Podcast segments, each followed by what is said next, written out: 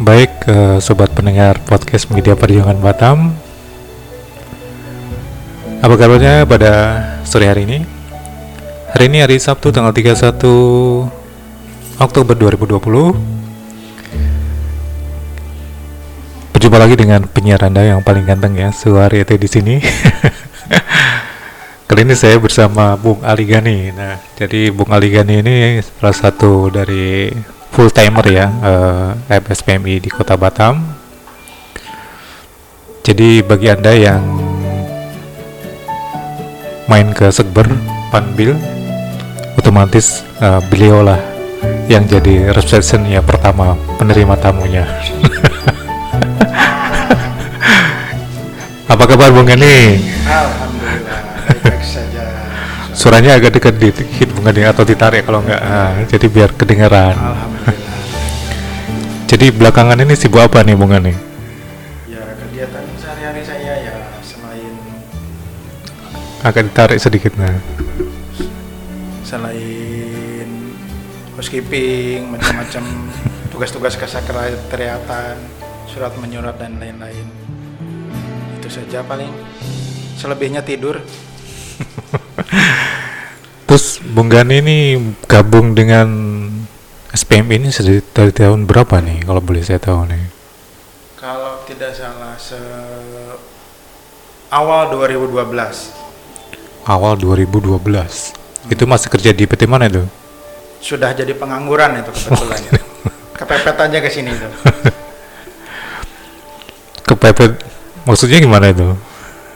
Ya daripada buang-buang waktu cari-cari kerja di luar ya mendingan di sini bisa juga menemani teman-teman yang penuh dengan masalah dan keruwetannya itu. Jadi selama menjadi apa namanya itu full timer nih, apa nih suka dukanya nih? Dan apa kenangan yang nggak bisa dilupakan? Misalnya antara-antara surat atau ikut demo, di samping atau pernah di ini digigit anjing mungkin kalau untuk senangnya mungkin kebanyakan senangnya daripada susahnya itu karena di sini hmm. kita ini banyak teman hmm. uh, hampir satu Batam kenal hmm. nah susahnya ya itu dia tahu sendirilah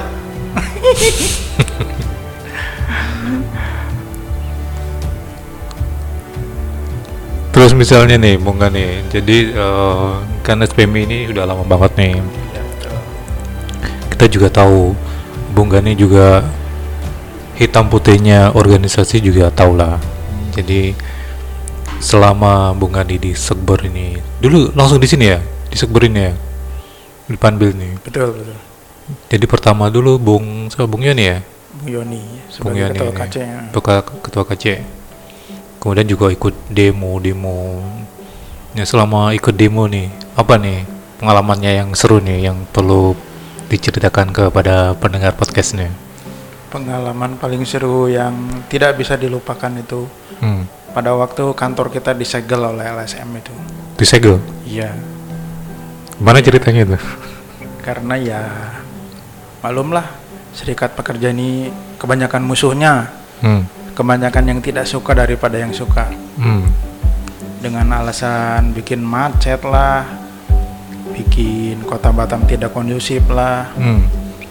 makanya para petinggi waktu itu hmm. sampai mau diusir dari Batam nah pada saat saya pergi ke Sekber ini dari rumah hmm. memang perasaan itu udah tidak enak hmm. akan ada kejadian apa gitu hmm ternyata saya baru berapa menit nyampe di Sekber hmm.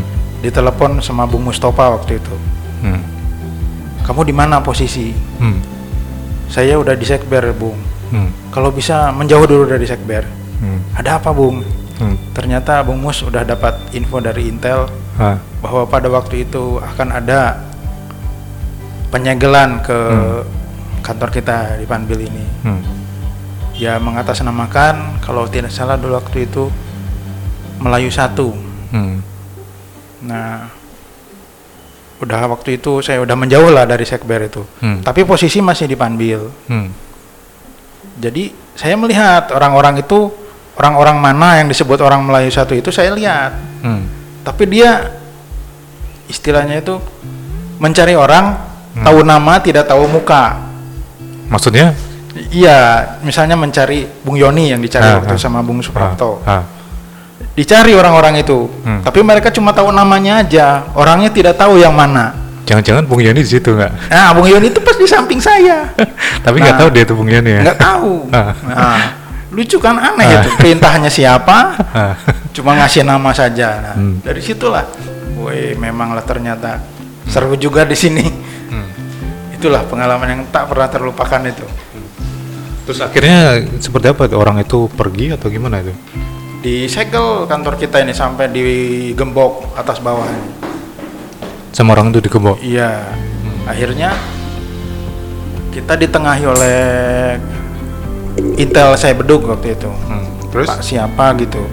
Akhirnya segelnya dibuka dan kondisi panbil ini disterilkan dari orang-orang itu. Yang saya heran itu udah mereka istilahnya itu bergerombol lah berapa iringan gitu datangin ke panbil ini tapi kok aparat diem aja gitu malah kesannya tuh malah dikawal Jadi pihak aparat sendiri waktu itu tidak ada berusaha melerai atau membubarkan itu. ya sangat kayaknya ya membiarkan asal tidak anarkis mungkin seperti itu Oh. memang masyarakat di sini pun dia kiri kanan kita di ruko kiri kanan itu heran juga Hmm. Kenapa mereka sampai sebegitu bencinya Hmm. sama SPMI sampai kantor kita disegel segala macam Hmm.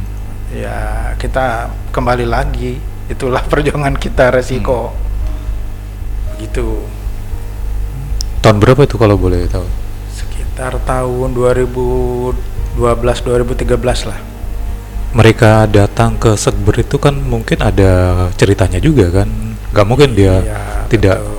Ada alasan untuk eh, menggerutuk Sekber waktu itu kan? iya betul Nah, ada nggak tahu nggak itu eh, ceritanya apa itu? Apa yang dilakukan eh, organisasi kok sampai segitunya di segel itu? memang ada dendam lama orang-orang itu ya pesanan juga Hmm, pengusaha. iya siapa lagi yang bermodal kalau nggak di balik itu Hmm. begitu bisa mengerahkan empat mobil Hmm. Kijang Innova Hmm. sini coba. Yang terakhir-terakhir kan kita tahu sendiri. Banyak spanduk-spanduk pamflet-pamflet bertebaran yang mengkreditkan meng, pokoknya mengnegatifkan orang-orang serikat kita sendirilah. Kayaknya memang niat banget dimodalin banget itu. Hmm. begitu Bung Syari Oke lah, baik eh, para pendengar podcast Media Perjuangan Batam demikian sekilas ya eh cuma segitu cerita unik. Tunggu dulu, kita rehat dulu, kita minum kopi dulu, nanti kita lanjutkan eh, ke cerita berikutnya yang lebih seru.